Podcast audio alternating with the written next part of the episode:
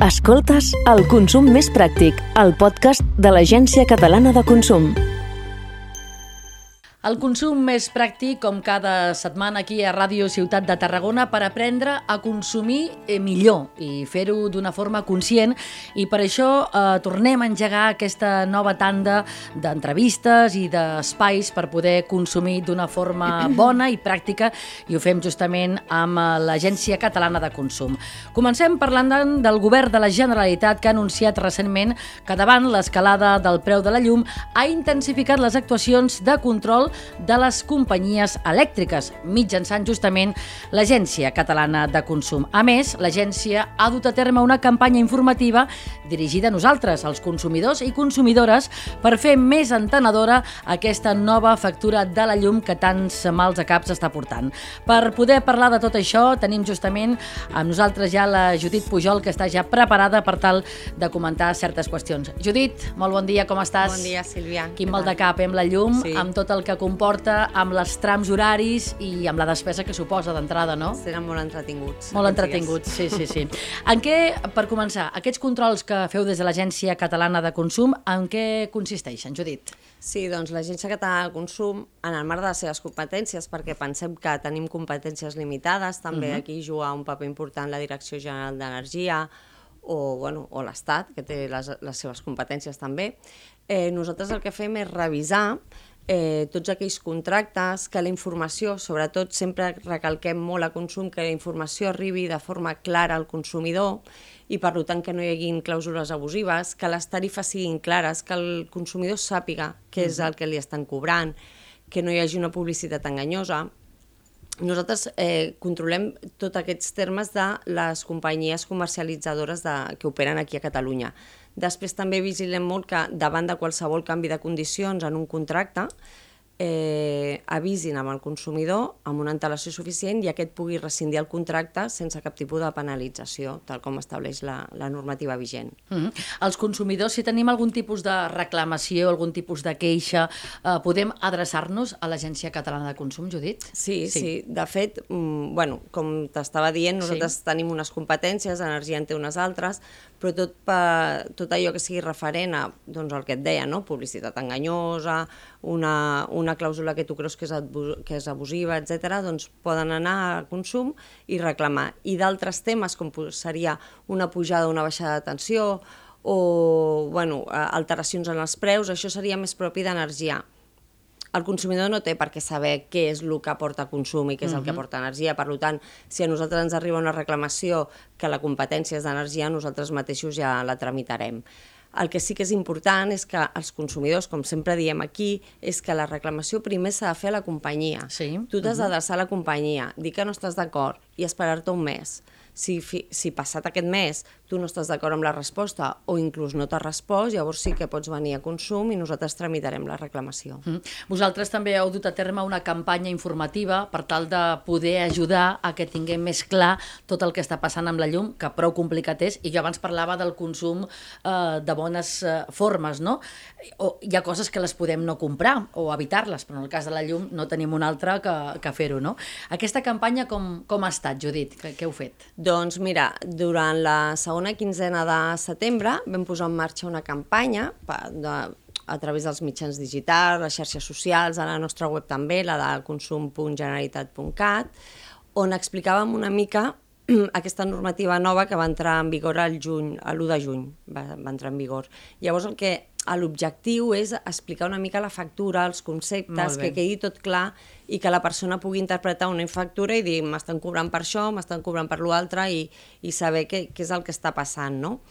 Eh, aquesta campanya eh, volta eh, bàsicament en, en tres punts molt importants, que és que el consumidor sàpiga que existeix un mercat lliure i un mercat regulat, que tenim com a novetat eh, la possibilitat de contractar dos tipus de potències i eh, l'altra l'altra cosa que ens importava molt que coneixéssim, però vosaltres ja heu fet molt bona tasca, era els tres trams, no? que hi ha tres trams de facturació, que és a l'hora punta, l'hora plana i, i l'hora vall. Uh -huh. Tarifes de llum, jo, a, a, si em permeteu, explicaré el meu cas. Jo tinc més de 50 anys i fa 4 dies me n'assabento que hi ha tarifa de llum per una part de mercat lliure i d'altre preu regulat. Suposo que estem acostumats a que arriba la factura de llum, et diuen és això, i com no enteníem i no entenem la meitat de les coses, paguem i punto. Hi ha aquests dos tipus de tarifes, no, Judit, per poder mirar? Sí, Sí. sí. Bueno, de fet, el que t'ha passat a tu li passa a moltíssima Veus? gent, eh? Sí. I a mi em va passar fa anys, eh, també. Jo perquè treballo un treballo, però és, és cert, És curiós, no, no eh? sabem on estem.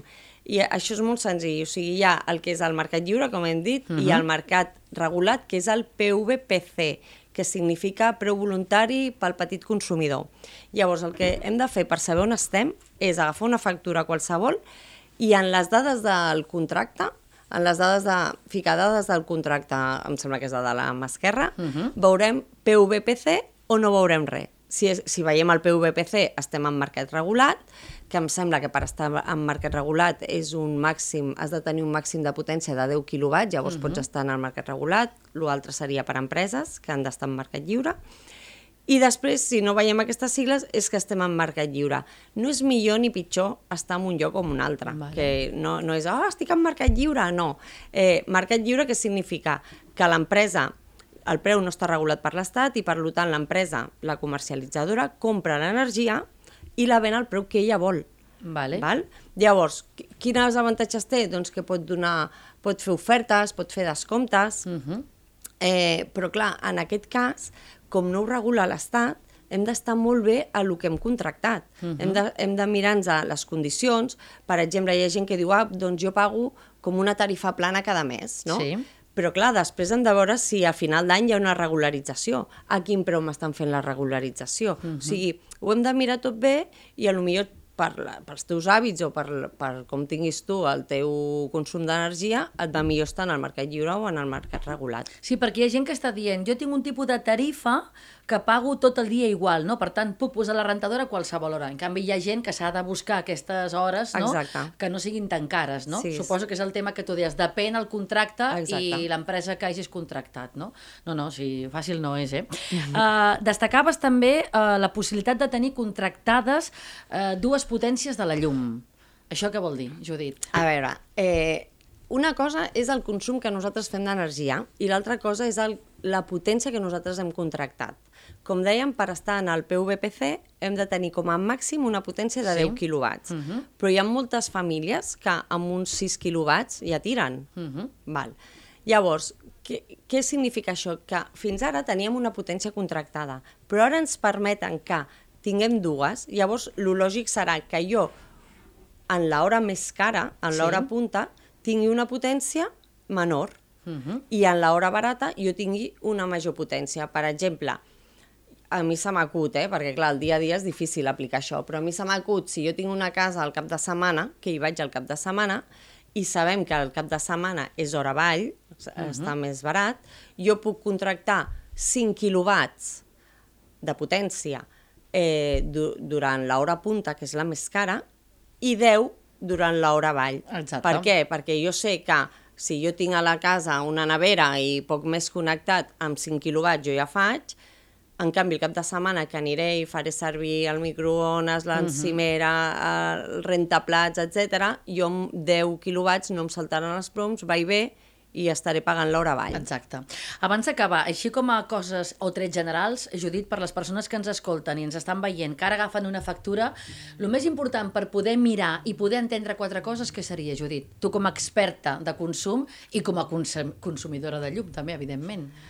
Bueno, jo el, el que faria és agafar la factura Sí? i mirar què estic pagant. I mirar si dins aquests eh, consells que acabem de donar avui jo puc, eh, pues això, agafar una potència diferent o, o, o mirar de canviar algun hàbit perquè a vegades fem petits canvis. No Sí. es tracta de canviar la nostra vida, no es tracta de cuinar a la una de la matinada com molts acudits sí, sí, estan, estan dient. Sí, estan sí, sí. circulant per les xarxes, no?